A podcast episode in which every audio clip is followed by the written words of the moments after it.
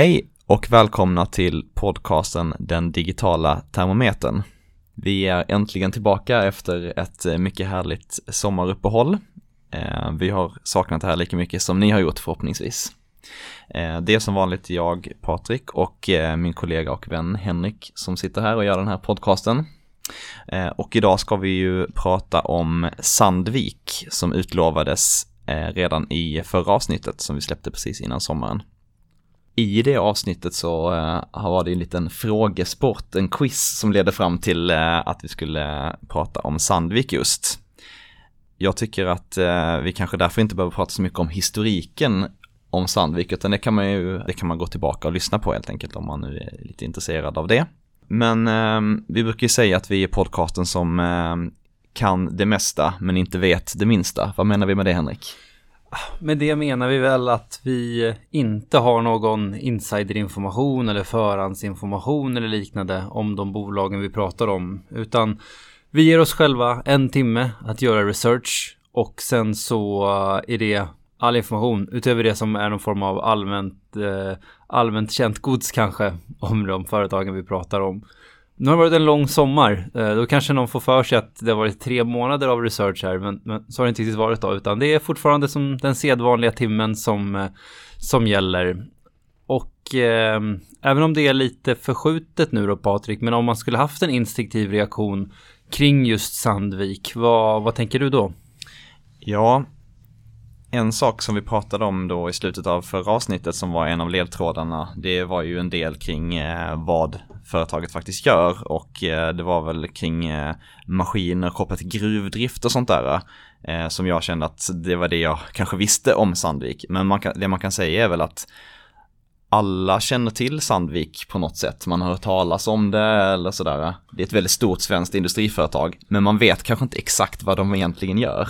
Jag vet knappt fortfarande vad de gör efter en timmes research. Jo då, det vet man väl kanske. Men nej, det är exakt så. Vad, vad, eh, vad de faktiskt pysslar med i, i Sandviken är eh, oklart för väldigt många tror jag. Vi kanske kan komma in lite grann på det idag i alla fall, även om vi inte ska prata så mycket om historiken. Eh, för att ge en bild av ett ändå eh, ett så pass stort svenskt företag.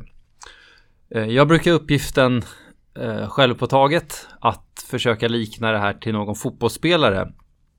Och eh, tack för att du påminner mig om det Patrik, två minuter innan vi börjar spela in. Så eh, jag tror att en lämplig spelare här kanske är Kosovare Aslani. Och hur tänker jag då? Jag tänker väl egentligen dels, eh, det är uppenbart såklart namn, eh, Sand, Sandvik som har sitt kontor i Sandviken. Kosovare Aslani som har eh, eh Kosovo-rötter eh, från båda sina föräldrar, även om han är född i Sverige. Eh, och också kanske någon som får stått lite, li, lite i, i skymundan fast de inte förtjänar det på något sätt. Som du säger, alla känner till Sandvik, men inte så många vet precis vad, vad gör de egentligen? Vad är det för typ av företag? De har ändå, hur många anställda var det? 30 000? Någonting sånt. Ja. Um, och, och likadant med Kosovare Asllani som ibland har haft stora roller i landslaget men uh, ofta kanske blivit lite marginaliserad. Hon har ändå gjort 92 landskamper vilket är väldigt många. Um, och man kan väl också se en sista liknelsen då att Sandvik hade ett, ett rekordår 2017 efter att ha haft några år med lite jag vill inte säga sämre marginal, de var väldigt framgångsrika rent finansiellt, men 2017 var ett rekordår för dem. Och, och även för eh, Kosovare Asllani så var 2017 ett rekordår får man säga i och med att hon vann SM-guld med sitt Linköping och fick eh, diamantbollen som Sveriges bästa fotbollsspelerska.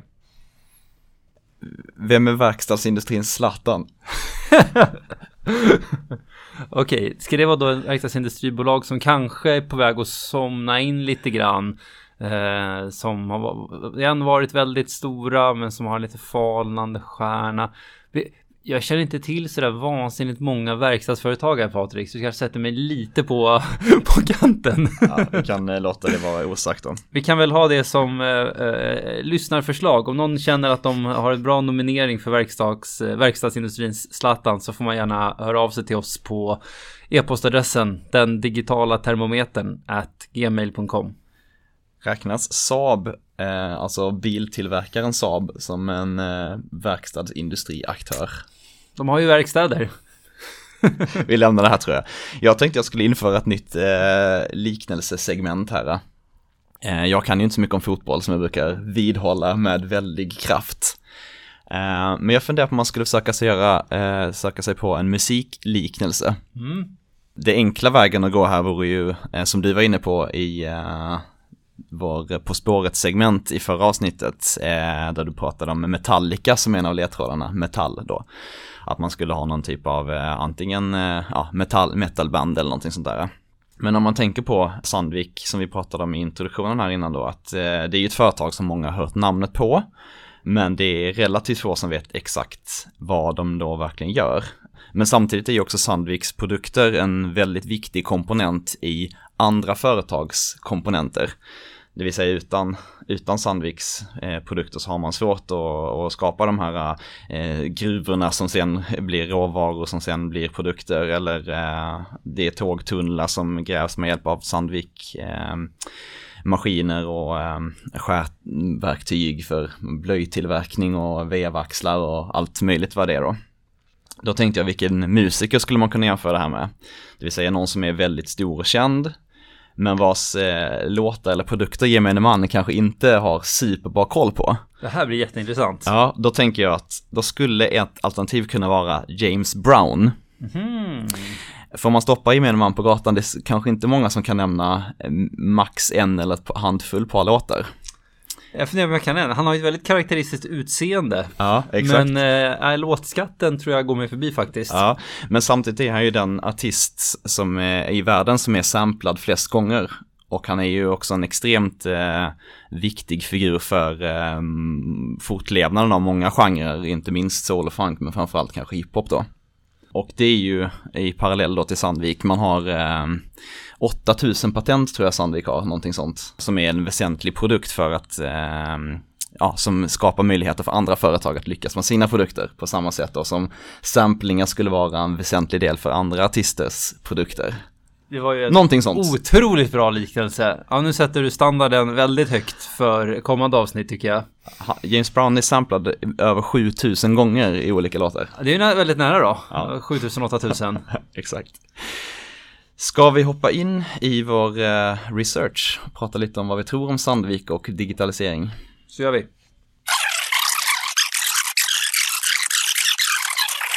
Okej, som vi nämnde i eh, introduktionen så finns det lite eh, intressant bakgrundsinformation i slutet på avsnitt 6 om SJ som eh, är ett litet På spåret-segment som leder fram till eh, Sandvik. Eh, hur som helst, vi kan väl bara nämna lite kort och recap att de grundades 1862 så det är ett väldigt gammalt eh, företag. Omsätter idag drygt 90 miljarder.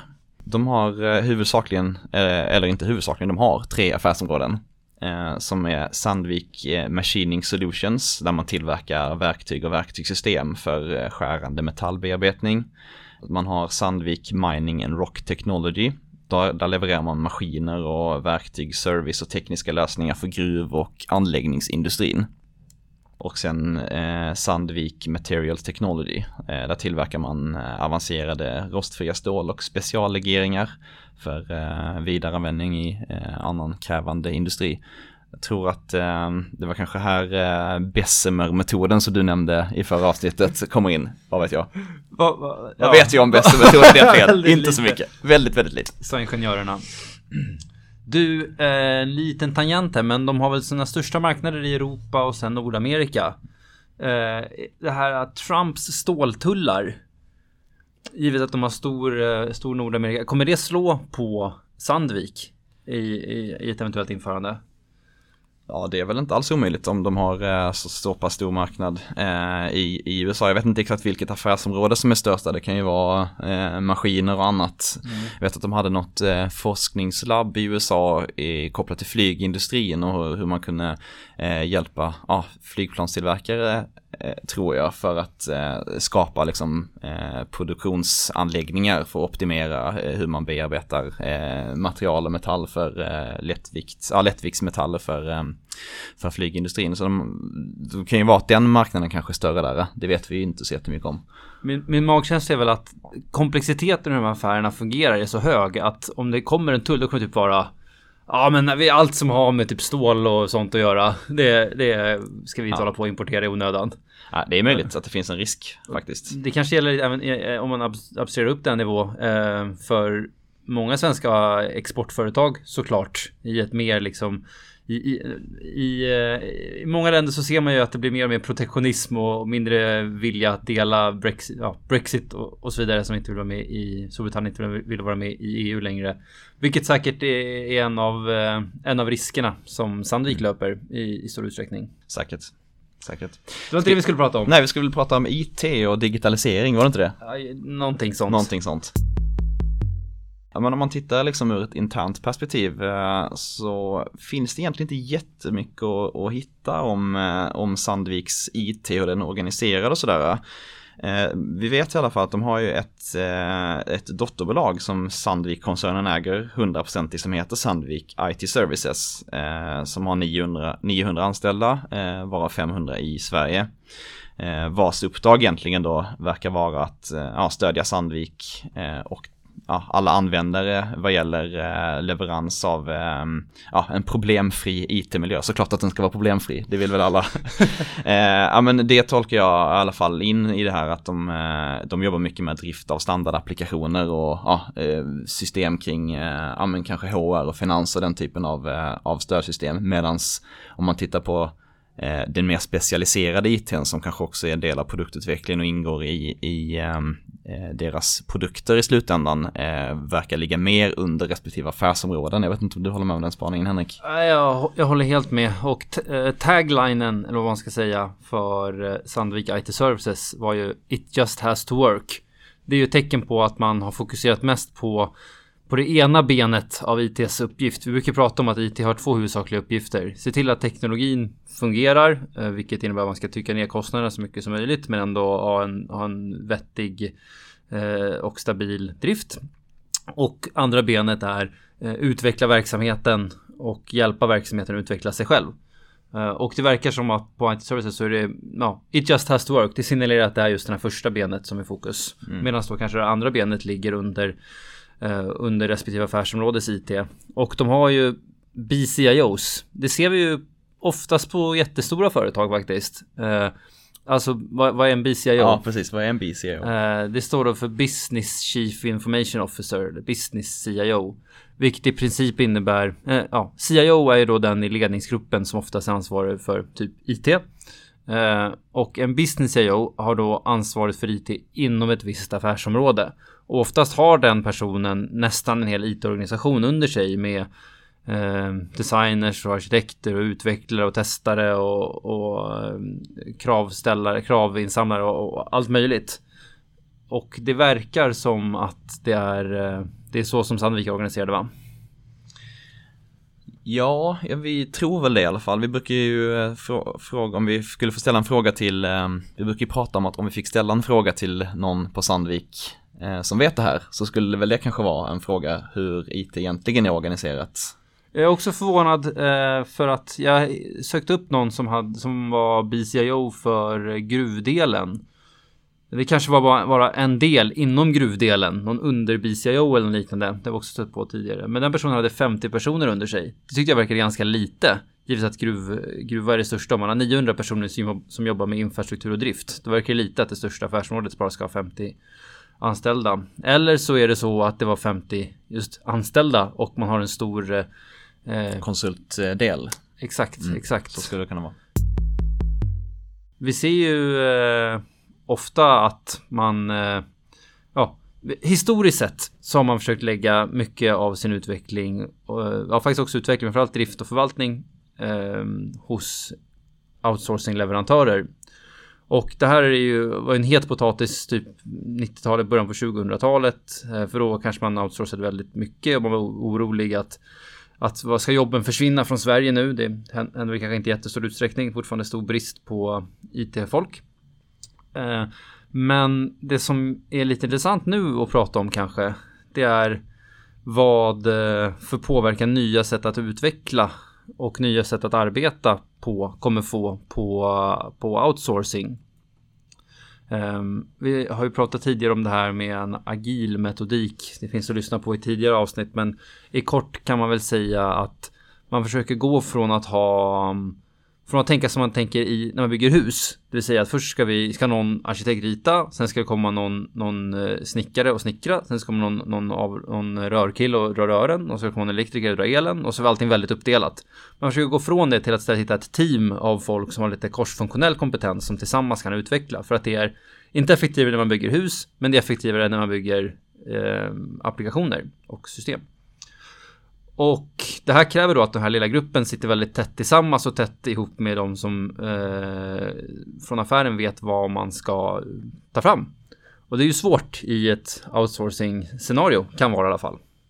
Behöver vi nämna någonting om vad outsourcing är eller det kanske är så att alla vet det? Jag tycker jag absolut vi ska nämna. Ehm, det svenska ordet brukar vara utkontraktering men det det egentligen är det är att man låter ett, eh, ett annat företag sköta antingen en eller eh, flera affärsprocesser eller funktioner. Eh, alltså vanliga exempel på det brukar vara att man outsourcar lönehantering eller kundtjänst, fastighetsskötsel till exempel. Inom it-verksamheter kan det handla som vi var inne på innan om drift av applikationer eller drift av infrastruktur, alltså nätverksservrar och den biten. Eh, men också faktiskt då utveckling av, av nya system. Till exempel pratade vi om det här SJ, SJ-appen förra gången, i förra avsnittet. Som ju är helt, eh, helt outsourcad som jag fattat eller man har i alla fall beställt den här applikationen av ja, ett företag som är väldigt mycket bättre på att bygga appar än vad SJ är. Just det. Men som inte är lika bra som Knowit är, det vet vi inget. Det är, så tror vi att det är i alla fall, givet att vi jobbar på Knowit, jag och Patrik. Uh, man, kan också skilja det här på, vi sa vi outsourcing och insourcing eller utkontraktering versus inte göra det. Uh, offshoring är en annan aspekt. Uh, och offshore, det signalerar att det är utanför gränsen på något sätt. Men, men, i princip brukar man tänka att om man använder offshoring då lägger man jobbet i eh, låglöneländer, oftast Indien, för mm. att det är en, en, ett land som har satsat väldigt mycket på det. Mm. Så att outsourcing är ett, ett annat företag och sen kan offshoring då vara att man är på en annan geografisk plats. Nu har väl uppstått något som heter nearshoring också, vilket är typ låglöneländer fast i närheten av Sverige.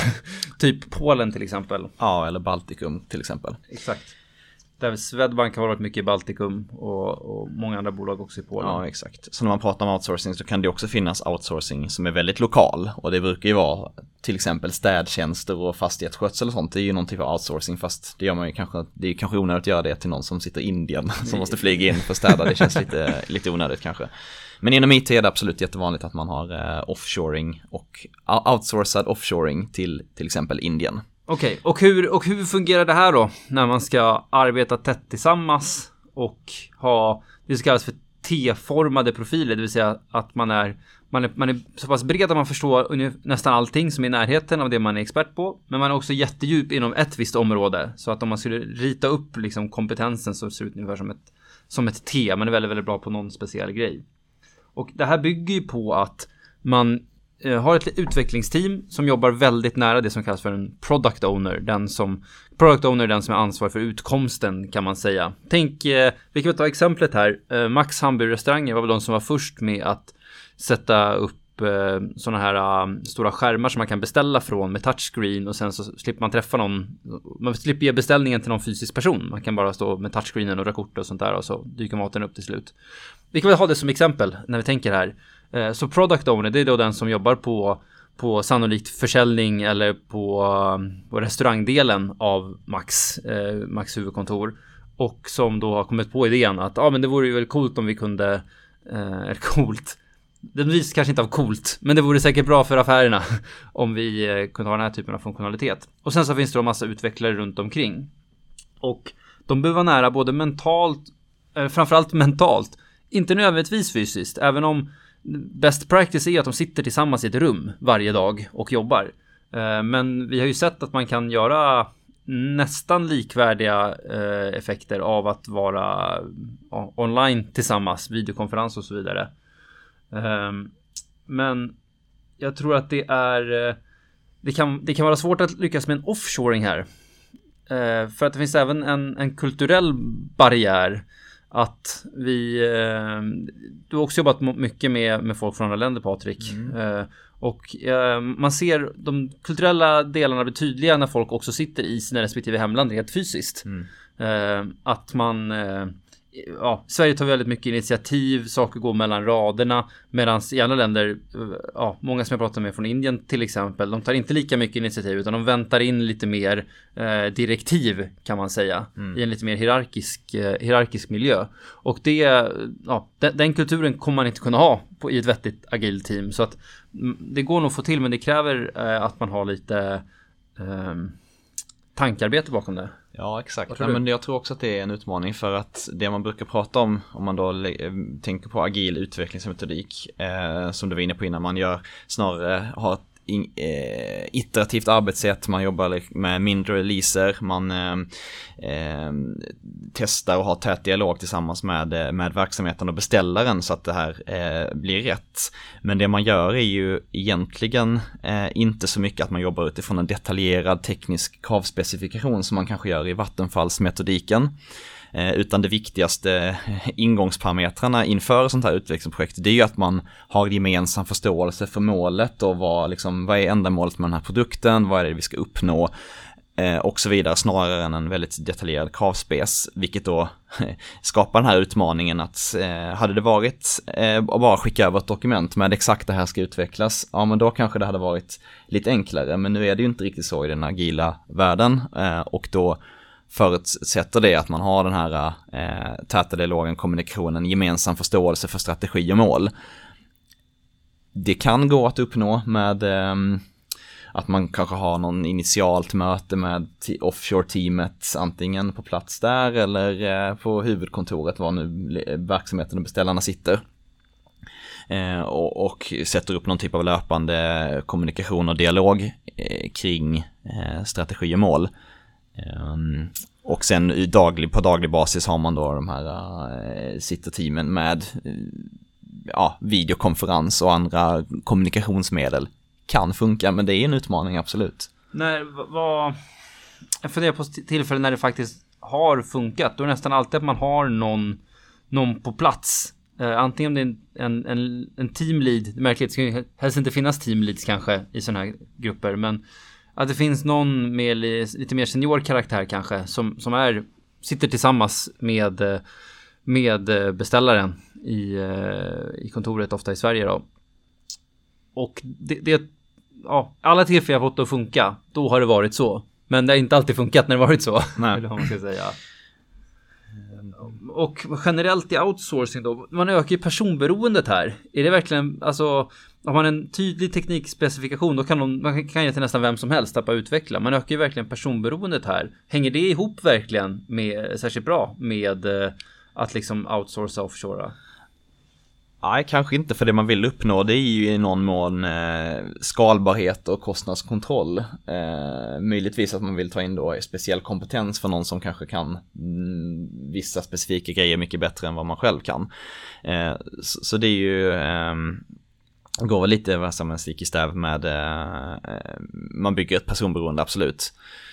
Eh, det man skulle kunna göra det är ju Ja men lite som du är inne på, man har någon, eh, någon antingen någon i offshore-teamet, eh, on-site brukar man ju säga då i, i Sverige om vi tar det som ett exempel.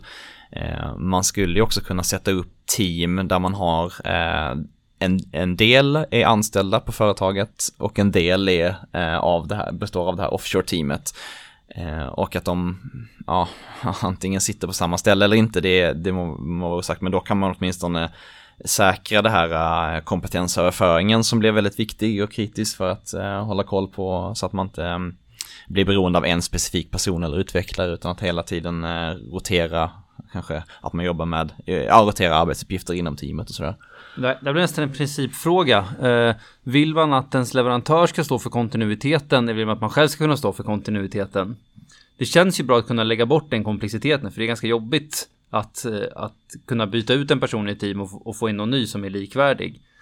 Men det är lika jobbigt för leverantören. De kanske har lite outsourcing, ja, den man, leverantören, alltså den man outsourcar till. De kanske har lite bättre eh, standarder och metodiker för det här. Men samtidigt när det är ett sånt personberoende. Då handlar det om att hitta rätt individ snarare än rätt liksom, strukturkapital för att föra över. Ju mer jag tänker på det, jag tror det är en dålig idé, eh, rent ut sagt, att åtminstone offshora eh, för delar av ett utvecklingsteam. Det som möjligen skulle kunna gå, det är att man flyttar precis hela teamet. Kanske det är SJ-app-metodiken då. Eh, nu blandar det offshore outsource, jag vet. Eh, men man flyttar hela, eh, hela utvecklingen någon annanstans och så har man en, eh, en kravställare, en product owner som det kallas då, den som berättar hur det ska bli. Den personen får ändå, måste nog ändå vara vill man helst ska vara hos bolaget. Det är det som på ett vis berättar vad bolaget ska ta sig någonstans. Men att ändå få, få jobba integrerat med, med eh, det outsourcade teamet. Men, men, eh, men att ha delar av ett team utanför eh, eller att inte kunna ha den här integrationen. Det är tajt alltså. Mm. Vad betyder det här för Sandvik tror du? Ja, om vi då gissar att de har en ganska stor offshore, eh, förlåt, ganska stor outsource-del eh, givet att de har så få anställda i respektive BCIO-organisation som vi tror, eh, så kan vi väl anta att det kommer öka. Eh, vilket innebär att antalet, eh, antalet anställda inom eh, IT-verksamheten kommer att öka och eh, andelen kontrakt som man har kommer att minska. Också svårt att skriva kontrakt på agil utveckling för mm. att man har inte lika tydliga leverabler på samma sätt. Eh, så att det är väl en, en rimlig spaning. Fler, fler eh, arbetstillfällen inom IT mm. i Sverige. Så det blir ännu mer brist på skickliga IT-personer. Eh, man kanske bara ska nämna det i förbifarten också att eh, vi vet ju att eh, man redan 2012 på Sandvik påbörjade en stor IT-transformation där man gick från en eh, lokal organisation, då pratar vi alltså lokal utveckling och IT-support eh, till en global eh, organisation med global support och global IT-utveckling. I samband med det så eh, initierar man också ett strategiskt samarbete med IBM och eh, skrev kontrakt på, ett femårskontrakt på, eh, tror det var typ runt 2 miljarder eh, för olika outsourcing eh, leveranser, främst inom eh, workplace, alltså eh, ja, vad ska man säga, kontors datorer och eh, tillhörande applikationer samt eh, data center services, alltså infrastruktur kring eh, ja, servrar och nätverk och så. Då kommer jag spekulera att de har lidit lite av det ur vissa hänseenden. För att jag gissar att de har outsourcat då. Det brukar, precis, servrar, eh, storage, drift och så vidare. Eh, och då gjorde de det 2012 sa du. Det var väl precis i början av virtualiseringsvågen. Precis när cloud kanske började komma upp på agendan. Vi vet ju att 2016-2017 då är det blivit så allmänt känt att folk förväntar sig att få tillgång till en ny server jättefort. Alltså det ska ta fem minuter att få upp en ny server att börja utveckla på, förväntar sig utvecklingsorganisationen. Men i kontrakten som man skrev 2012, då, liksom, då var inte ens det på kartan att man skulle behöva det. Så då gissar jag att, gissar gissar, men då, då är det sannolikt att den tjänsten inte finns med i det kontraktet helt enkelt. Utan vill du ha en ny server då kommer det gå en beställning och så ska det sättas upp på ett visst sätt och så tar det kanske en, mm, flera veckor innan du har en ny server. Mm. Och det tror jag att utvecklingsorganisationen skulle vara väldigt irriterade på.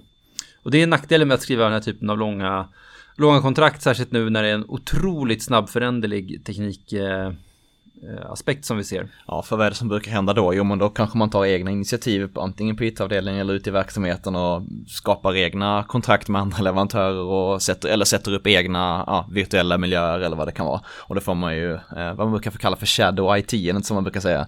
När det liksom finns eh, någon eh, IT som ingen har kontroll på riktigt, eller i alla fall framförallt IT-avdelningen har inte kontroll på den. Eh, och den bara finns där och, och driver kostnader och eh, man följer inte upp kanske heller. Eh, att man stänger ner de här servrarna när det behövs och så vidare. Om Tom Cruise hade spelat in en film om, i vårt område skulle han jobba på Shadow IT. Lätt. Uh, jag kanske kan kort förklara, det blir lite facktermer, men provisionera en virtualiserad server, det kan ju låta som mumbo jumbo för många, men i princip, det är inte så mycket svårare än uh, att man för varje fysisk uh, servermaskin så kan man ha ett antal virtuella maskiner ovanpå. Eh, så ett antal virtuella maskiner som, som i dagsläget om man köper en sån hos Amazon eller Google eller Apple jättelätt att få upp. Eh, och få tillgång till. Men eh, och det kallas för provisionera är då att man som användare kan börja använda servern helt enkelt. Mm. Man brukar allokera en viss typ av minne och processorkraft och sånt där i samband med det. Eh, ska vi prata lite mer om, eller var vi klara med outsourcing, offshoring, agil utveckling, segmentet? Vi får sätta stopp där. Vi sätter stopp där. Eh, och prata lite mer om eh, Sandviks produkter och liksom det kanske mer externa perspektivet på digitalisering. Ehm, alltså om man tänker på digitalisering så brukar det lätt, vara lättast att exemplifiera vad det innebär för företag som har en ganska tydlig slutkonsument eller vanliga användare inom citationstecken. Eh, alltså till exempel appar som underlättar konsumtion av en fysisk produkt eller tjänst. Vi pratade om polisen i något avsnitt tidigare och e-tjänster i kontakt med medborgare. Eh, eller SJ-appen för att boka biljetter och Postnord har den här appen för eh, man kan skicka fysiska vykort men man skapar dem digitalt i en app. Mycket enklare att prata om oftast i fallet Sandvik så, eh, ja det är ju lite likt då, men där är ju eh, produkterna mycket mer eh, avancerade. Det är ju borrmaskiner och som för, för tunnelbyggen och olika grävmaskiner och gruv, gruvmaskiner. och, och, och, använt coola eh, saker helt enkelt. Ehm, så där blir det lite, ehm, kanske en annan eh, take då, men, men i mångt och mycket är det ganska mycket samma sak, det vill säga man använder med hjälp av då modern teknologi, alltså typ sensorer och avancerad analysutrustning för att förbättra och effektivisera den process som det här verktyget används inom. Ehm, ett exempel som man eh, eh, har eh, på det, på det temat då, det är ju Bultriggen DS 422i. Har du talat om den? Jag har den hemma faktiskt. Vad är en bultrigg egentligen? Jag vet inte riktigt. Ja, man använder den för att slå in bultar i, i berget när man gräver en gruva för att undvika ras och sånt där. Men de har utvecklat en ny variant av den här då, där man Eh, Eh, helt enkelt använder, eh, samlar in information i alla delar av eh, ja, men var man sätter de här bultarna, hur man, eh, eh, vilken styrka man använder för att slå in dem, olika andra material som behövdes. Man har ju någon typ av fyllnadsmaterial här fattar det som. Vad hade man för mix eller blandning, hur sattes den ihop när man sprutade in den, hur mycket och så vidare. Om man hjälper av all den här informationen så kan man då i, ja, de som är ansvariga för hela liksom, gruvan och gruvs systemet har mycket bättre förståelse för eh, ja, säkerhetsaspekter och vad man behöver göra och vad man inte har gjort och skapa då eh, bättre förutsättningar för att sätta de här bultarna på rätt ställe och eh, minska eh, risken för ras till exempel. Det är ju fantastiskt, det är verkligen värdeökning i sina produkter integrerade. Exakt, verkligen. Man eh, har också etablerat, eh, läste jag någonstans, ett eh, samarbete med IBM igen då. Inte, inte outsourcing i det här fallet utan ett mer strategiskt samarbete kring utveckling av, av produkter då. Det man, det, det man har gjort där då det är att Eh, det är lite på samma tema då. Man har eh, valt ut ett antal produkter som man har eh, börjat att koppla ihop och samla in realtidsdata för. Och då är det framförallt inom, som jag har fattat det, den här gruv, gruvdriften då, eller gruvmaskinerna. Ehm, Ehm, där man helt enkelt eh, använder IBMs analysverktyg ovanpå. Eh, man samlar in en massa data från maskinerna, vad det kan vara i bultfallet är det eh, som vi nämnde tidigare, var bultarna sitter till exempel. Eh, men också hur mycket, eh, när man tar, får fram, eh, vad heter det, malm heter det va? Mm. järnmalm och sådär, analysera det i realtid för att hitta det, nu gissar jag bara då, men att man hittar liksom var det finns mest av den metallen man försöker utvinna och analysera det i realtid så att man hela tiden eh, gräver på rätt ställe och sådär. Eh, och det man redan nu har kunnat se, se då det är att man har eh, men att man har lyckats sänka priset på per ton med 20-50% alltså ton järnmalm som man utvinner med hjälp av de här maskinerna eh, för att man då gör rätt från början med rätt information och, och sådär då. Eh, och det tycker jag känns ganska coolt att man bara med liksom då ett, en digitalisering av de här maskinerna mm. kan sänka kostnaderna för gruvbolagen i sin tur när de utvinner med upp till, upp till 50% då. Det är fantastiskt, snacka om sätt att bli marknadsledande också. För att om då, då är ett gruvbolag som inte har Sandviks utrustningar och inte har den här möjligheten, då har det plötsligt jättemycket större kostnad för att utvinna samma mängd järnmalm. Ja, det är eh, imponerande innovationsförmåga faktiskt. Mm. Och sen, sen, tror jag också att det är liksom vi pratade också om i, i SJ-avsnittet. Det här blir avsnittet där vi refererar till vårt förra avsnitt extremt mycket. Eh, ja men du pratade Henrik om, eh, om att eh, tågen eh, samlar in väldigt mycket data och för att eh, framförallt som vi tror då förebygga underhåll. Och det, vi tror att det finns en sån komponent i, i det här fallet eh, i Sandvik också då att man kan eh, helt enkelt förebygga, alltså att man servar maskinerna i rätt tid så att de slipper gå sönder och på det sättet Eh, Eh, helt enkelt upprätthålla produktionen och minska eh, stillastående tid och ja, i, i mångt och mycket öka produktiviteten då. Ja, det var ju lite häftigt. De hade något no rör som eh, har eh, ja, som är, som är uppkopplad till månlösning och då hade de använt metallurgi för att implementera det. Jag är inte jättebevandrad inom metallurgi, men min förståelse är att det är eh, hur man ja, får till metaller, hur man, hur man skapar metaller. Och det, det vore jätteintressant att förstå hur har man liksom eh, som en del av metallskapandet gett rören de här egenskaperna så att den kan bli uppkopplad. Det skulle jag verkligen vilja veta. Ja, vad använder man de där rören till egentligen? Jättelånga rör. Jag vet, jag vet inte riktigt. Det rör mig inte i ryggen. Nej, sorry. Jag kan inte klippa bort det. Det var ett torrt, jag tråkigt pappaskämt. Jag tycker att det var jättebra. Eh, men eh, ska man säga lite det om Sandvik att det, det som de gör, ja men de säljer ju de här maskinerna som vi pratat om, skärverktyg, olika ehm, eh, diamantbeklädda eh, slipverktyg och, och sånt där. Men det man också gör det är att man hjälper ehm, eh, Sandviks kunder att förbättra deras produktionsprocesser i mångt och mycket. Och det som eh, jag såg som var ganska cool tyckte jag ehm, på temat digitalisering. Man har ett eh, bolag i Sandvik-koncernen som heter TDM Systems. De har utvecklat en, eh, en molnbaserad lösning för verktygshantering som kallas för TDM Cloudline. Det, det det egentligen är, det är att det är typ som en digital en digital verkstad. Man kan lägga in alla sina verktyg som man har i sin produktion i det här, i det här TDM Cloudline då.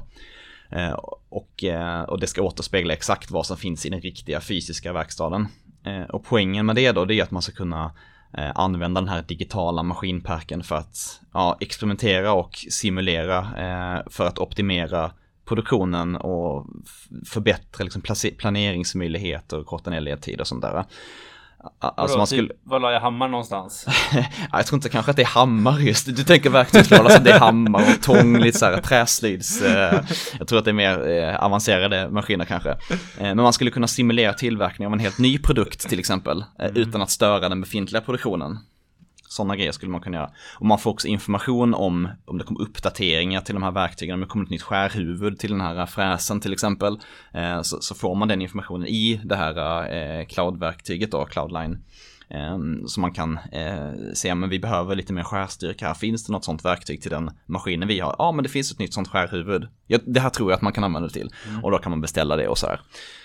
Jättebra. Ställ lite krav också såklart på, eh, på användningen av, mm. eh, av den här lösningen. För att man har ju man har många gånger sett att det har funnits, eh, funnits lösningar som har varit extremt väl uttänkta och potentiellt sett gett jättestort värde. Men så har, har ingen riktigt hos, eh, hos konsumenten eller hos kunden då orkat använda den på rätt sätt. I det här fallet skulle det kunna vara att ah, det, Bengt som är ansvarig för att uppdatera, han, han, han gör inte det riktigt. Och det blir inte riktigt rätt och ja, det vi orkar inte. Nej, och det viktigaste är ändå att den fysiska verkstaden fungerar och det är det som de tycker är kul som jobbar med det och Exakt. hamnar den där lösningen lite i skymundan. Så skulle det kunna vara. Så det gäller att man har den disciplinen. Exakt, ja, men det är intressant för att den första versionen av det här verktyget skulle faktiskt lanseras i april i år. Aha. Så det är väldigt, väldigt nytt. Det vore ju också intressant att få reda på om det är någon av Sandviks kunder som faktiskt redan nu använder den här och ja, vad värdet egentligen är. Har de, har de använt det eller har det bara blivit liggande? Har, har, har Bengt verkligen uppdaterat alla verktyg eller inte? Och så vidare. Um, är det dags att sia om framtiden? Ja, ja men jag kände väl lite spontant eh, när vi skulle prata om Sandvika, men det är väl ganska konservativt med det verktyg och det är liksom tung industri och finns det ens några digitaliseringsmöjligheter? Men det verkar det ju verkligen som att det gör och att eh, det finns verkligen en poäng i eh, för, för Sandviks kunder att de verktygen som man använder är, är digitaliserade, inte minst det vi pratade om innan med eh, för gruvdriftens säkerhet och, och sånt där. Eh, och, och, analysera utkomsten så att man kan effektivisera produktionen och utvinna maximalt från den järnmalm man letar efter till exempel och så. Mm, mm. Så jag tycker verkligen det finns en, en stor poäng, en stor potential framåt. I alla fall från det externa perspektivet. Om du skulle sätta ett gradtal på det? Ja, men jag tycker ändå att det känns rätt, att det känns eh, kokhett alltså. Mm, vi brukar sätta för nytillkomna lyssnare mellan 0 grader och 100 grader, eh, därav termometern, eh, någon form av eh, potential i det här företaget, organisationen har i den digitala världen. Och det ja, kanske är, nä är det nära kokpunkten? Ja men säg 90 då. 90 är högt. 90 är högt, vill, men vi ska också väga ihop det med den interna delen som ja. kanske är lite svalare. Ja, exakt. På den interna delen så kanske vi vill höja någon form av varningens finger då för det här uh, oväntat få anställda. Uh, potentiellt och vad vi kunde se i alla fall i uh, affärs-IT-organisationerna och att det kommer göra att de blir långsamma um, om de har en stor uh, stor outsourcing deal. Särskilt om de har förlängt den här IBM-dealen. Det har vi inte sett någon information om. Men den borde väl tagit slut 2017 rimligtvis. Mm. Eh, men ska vi säga att de kanske landar i en 80 grader totalt då? Det tycker jag känns eh, bra. Det eh, finns lite farhågor men samtidigt en extrem potential från det externa perspektivet framförallt. Bra, och i och med det så är det nog dags att knyta ihop säcken för det här avsnittet. Första avsnittet efter sommaren 2018. Eh, hur kändes det Patrik? Är du tillbaka i, eh, i full form igen? ja men det tycker jag. Det har ju varit en fantastisk eh, sommar som vi har fått uppleva och man får ju känna sig utvilad och tillbaka med full kraft. Ser fram emot en, ännu en höst. Ännu en höst med den digitala termometern tänkte jag säga men vi har ju aldrig spelat in det här på en höst förut. Så kan man inte riktigt säga heller. Ännu en säsong skulle man kunna säga. Exakt, säsong två kanske det här får vara då. Exakt. Bra. Och eh, vill man komma i kontakt med oss så kan man skicka eh, e-post till den digitala termometern at gmail.com. Och vi, eh, vi undersöker möjligheten att hitta något, något forum för, för lyssnare som är intresserade av att diskutera avsnittet också. Vi får be om återkomma om det i så fall. Eh, återkommer gör vi också i vanlig ordning eh, om två veckor, onsdag. Då säger vi så. Tack för den här gången. Tack för att ni har lyssnat. Hej!